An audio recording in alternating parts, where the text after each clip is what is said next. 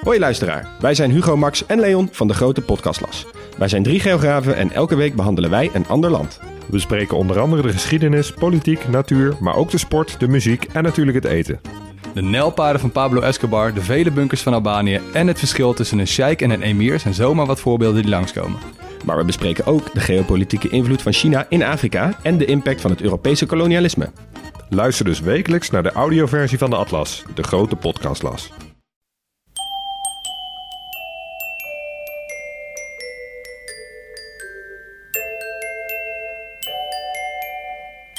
Welkom bij aflevering 258 van Echt Gebeurd. De podcast waarin waargebeurde verhalen worden verteld door de mensen die ze zelf hebben meegemaakt.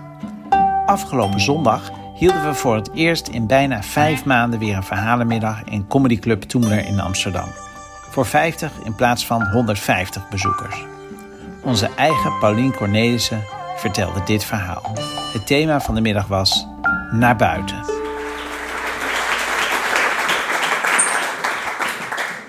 Goedemiddag. Um, ik heb in mijn leven één bevalling meegemaakt en dat was die van mezelf. Dat vond ik enerzijds heel erg leuk en anderzijds heel jammer, want uh, ja, dat is maar één keer. Uh, een vriendin van mij, die heeft drie kinderen, waaronder één tweeling. Daar ben ik al jaloers op. En uh, daarnaast is zij ook nog drie keer al gevraagd om bij bevallingen aanwezig te zijn van vriendinnen die geen man hebben. En ik vind dat, daar ben ik dus heel jaloers op. Omdat ik uh, het gevoel heb dat als je gevraagd wordt om bij iets te zijn wat, waar zoveel pijn bij komt kijken, maar ook zoveel geluk, um, dan, dan ben je heel erg geslaagd als mens. Weet je dat als iemand denkt dat jij iets toe te voegen hebt op zo'n moment, dan ben je uh, daadkrachtig en liefdevol, dapper. Ja, gewoon een heel goed mens ben je dan. Goed, dit is even een inleiding omtrent mij en bevallingen. Maar het verhaal dat ik wil vertellen speelt zich af in het begin van de coronacrisis, drie maanden geleden. Um, en het was eigenlijk de tijd dat de wereld even leek te draaien op een brandstof gemaakt van gemeenschappelijke paniek. Vlak daarvoor en vlak daarna draaide alles weer op de brandstof gemaakt van wederzijdse verontwaardiging. Maar toen was er dus even die gemeenschappelijke paniek. In die periode was een andere vriendin van mij hoogzwanger. En haar vriend, de vader van het kind, die kuchte. Die kuchte al weken. Uh, en dat was uh, op zich niet, hij was verder helemaal niet ziek. Uh, dus dat was niet zo erg. Maar toen juist was het wel erg, want um, hij mocht het ziekenhuis niet in. En dat, was, dat, dat, dat kon niet. Dus het was eigenlijk wachten van, komt die baby voor of na dat die vriend gestopt is met kuchen? Dat was een probleem. Dus toen werd ik opgebeld uh, door die vriendin. En zij vroeg van, ja, wil jij anders stand-by staan om erbij te zijn bij de bevalling? En ik natuurlijk eigenlijk intern van, yes, eindelijk. En ik van, ja, dat wil ik wel doen. Um, en zij vond dat heel lief van mij, dat ik dat wilde, terwijl het zo risicovol was op dat moment. Want toen was corona nog echt een heel enge ziekte, waar we niks van afwisten, weet je wel. Wat heel, heel onvoorspelbare ziekte die, die om zich heen greep. En dat is het nu natuurlijk nog steeds, maar nu doen we alsof dat niet zo is. Maar het was toen echt van, het was nogal wat om iemand überhaupt te vragen om naar buiten te gaan. Dat vroeg ze van mij en ik wilde dat uh, ja, graag doen. Um, en ik stelde mezelf ook al voor, zo met warm water en lappen of zo, een soort van kleine huis op de prairie-achtige activiteiten. En toen realiseerde ik me ineens, nee, zelfs dat hoef ik hiervoor niet te kunnen. Weet je, daar, daar, is dan, daar zijn gewoon verpleegkundigen voor. Ik hoef haar alleen maar bij te staan en bijstaan is eigenlijk gewoon een soort afgeleide van ergens bijstaan. En dat kan ik. Dus het was echt van, nou ja, goed, uh, dat, dat gaan we doen. Maar zover was het nog niet. En in die verwarrende tijd bedacht die vriendin van mij en haar vriend toch van, ja, moeten we niet toch proberen om hem te laten testen? Dat kon toen nog absoluut niet. Uh, als er niet echt iets was. Maar goed, met die troefkaart van de bevalling in de hand. Uh, kregen ze dat toch voor elkaar. Hij mocht zich laten testen op corona. En dat was natuurlijk geweldig. Want als hij getest zou zijn en hij had het niet, dan kon hij net zo goed wel mee het ziekenhuis in. Nou, dat was de redenering. Twee dagen later werd ik opgebeld uh, door mijn vriendin. Ze was aan het huilen en ze zei: Hij heeft toch corona. Maar toen zei ze: Maar het kan dat ik het ook heb, maar dat ik geen symptomen heb. Wil je dan toch nog mee? En ik, ik snap het helemaal als je dat niet wil. Uh, ik heb toen voor de vorm nog gecheckt bij mijn man van vinden we dit oké, maar dat ja, was wel duidelijk dat hij dat ook oké moest vinden. en dat ik gewoon meeging. Dus ik zei, nee, dat doe ik. Nou, dat was, was gewoon ook een heel mooi moment. En vanaf dat moment uh, was ik echt on high alert. Dus ik had de hele tijd mijn telefoon in mijn hand en ik had hem ook aanstaan. Wat, wat normaal gesproken heb ik hem nooit aanstaan, nu wel. Um, en ik was de hele tijd uh, daarmee bezig. En soms dan appte ik haar van hoe is het in de buik. En dan schreef ik ook de buik en niet je buik, omdat de buik zo klinkt alsof het een soort volstrekt aparte entiteit is. Uh, waar zij zelf niks meer mee te maken had. Zo van de buik doet wat, wat hij wil. Wat ook wel een beetje waar is in zo'n laatste fase van de zwangerschap. En zij uh, appte dan terug van nou, we, we maken even een wandelingetje. Uh, dus die baby uh, die liet op zich wachten. Um, en ik voelde me zenuwachtig in die periode, maar ook wel heel erg nuttig en nodig. En dat was uh, eigenlijk wel zeldzaam in mijn leven. Want als je schrijft en cabaret maakt zoals ik, dan, dan ben je eigenlijk nooit echt nodig.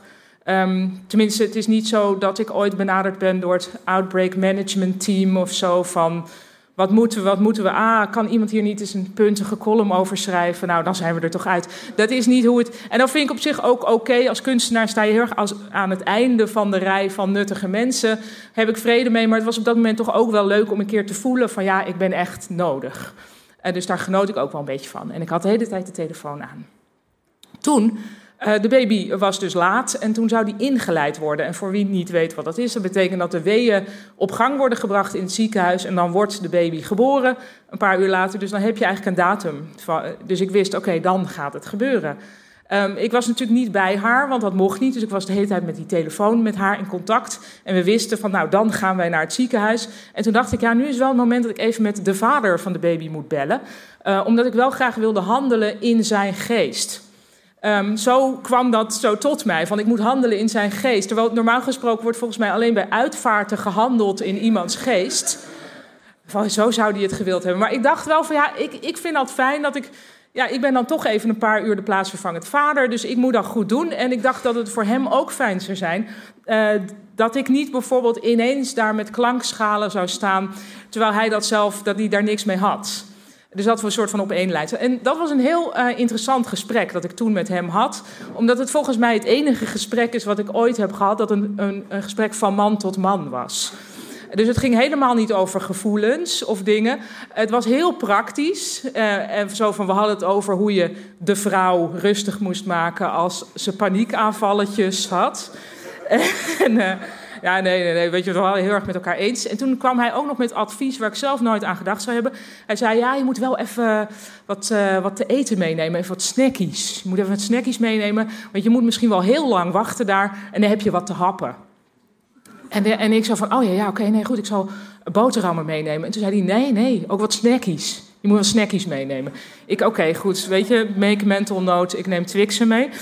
Um, nou, dus ik was voorbereid voor zo, go uh, zo goed en zo kwaad als dat kon. En uh, toen de volgende dag stond de bevalling gepland. En voor het eerst uh, in een hele tijd was ik mijn tas aan het inpakken. Die rugzak, die heb ik normaal altijd bij me. En die was nu zo ongebruikt, lag die ergens. Daar gingen ineens dus boterhammen in en wat repen en dingen. En toen stapte ik voor het eerst sinds een hele tijd op mijn fiets. Met een doel en een richting. En ik ging echt iets. Ja, dat voelde heel onwerkelijk. Van ik fiets ergens heen. Dat was ik al meteen ontwend. Dus ik fietste naar dat, naar dat ziekenhuis. En ik was me er ook van bewust van. Ja, dit voelt allemaal heel raar. Maar het maakt niet uit hoe het voor mij voelt. Want ik ben er voor de moeder en voor het kind. Um, en uh, dus ik zet mijn fiets zo neer bij het ziekenhuis. En ik zet mijn fiets op slot. En toen dacht ik nog van. Ik keek zo naar mijn handen. En ik dacht van. Wanneer ga ik dit slot weer openmaken? Dat weet ik helemaal niet. Dat, ja, hoe lang duurt? Dat kan, kan wel een etmaal duren. Um, nou, fiets staat vast, gaat de telefoon. Dat is mijn vriendin.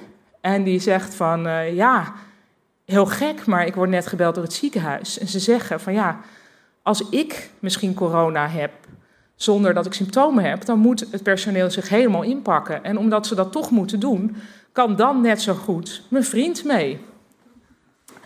En ja, mijn reactie was natuurlijk, oh wat te gek, weet je, oh wat fijn, dan kan hij er toch bij zijn. Dan kon ik meteen heel spontaan uiten. Maar van binnen dacht ik natuurlijk van, ja, uh, hallo, uh, daar is het nu een beetje laat voor. Want ik ben al bij het ziekenhuis. Ik had echt heel veel moeite om die stap te maken van, ja, natuurlijk moet de vader erbij zijn. Ik dacht echt, nee, dat, nu hadden we het zo afgesproken. En dat was echt zo. Het was echt zo de reactie van iemand die normaal alles best wel goed plant in haar leven. Weet je, normaal gesproken weet ik al uh, waar ik over anderhalf jaar op welke precieze dag ik sta te spelen in het theater in Ede of zo. Maar, dat was nu natuurlijk allemaal weg, dat was er niet. En dit was nu echt zo het ultieme voorbeeld van ja, uh, jij hebt hier helemaal niks over te zeggen en het gaat ook niet om jou. Dus ik van nou ja, ja, ja nou ja, succes, uh, ja, probeer rustig te, te blijven. En toen ja, kon ik mijn fiets meteen weer losmaken en ben ik naar huis gefietst. Daar heb ik de boterhammen op gegeten die ik had gesmeerd. Ook al had ik helemaal geen honger. Ik had echt een heel vreemd gevoel. Ik zei, ik ga ze maar opeten dan. En een paar uur later, het was een snelle bevalling, is er een heel mooi en gezond uh, jongetje uh, ter wereld gekomen. Ik heb hem natuurlijk inmiddels al lang in de armen gehad. Hij is nu drie maanden en één week. En alles gaat goed. En uh, ik was er niet bij, maar hij is toch een bijzondere baby voor mij gebleken. En ik mocht zelfs, dat is een beetje troostprijs, maar toch niet, ook weer niet. Ik mocht zelfs zijn geboortekaartje maken.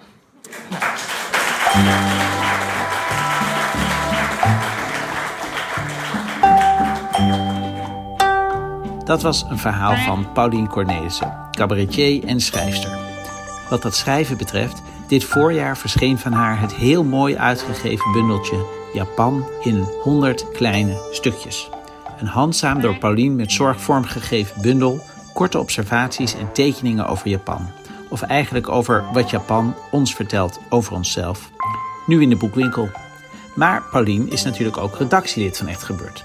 Onze redactie bestaat verder uit Maarten Westerveen, Sander Pols, Rosa van Toledo en mijzelf, Micha Wertheim. Productie Eva Zwaving, Zaaltechniek Jasper van Oorschot. Podcast Gijsbert van der Wal. Dit was aflevering 258. Tot volgende week. En vergeet niet de snackies in te pakken. Want dan heb je altijd iets te happen.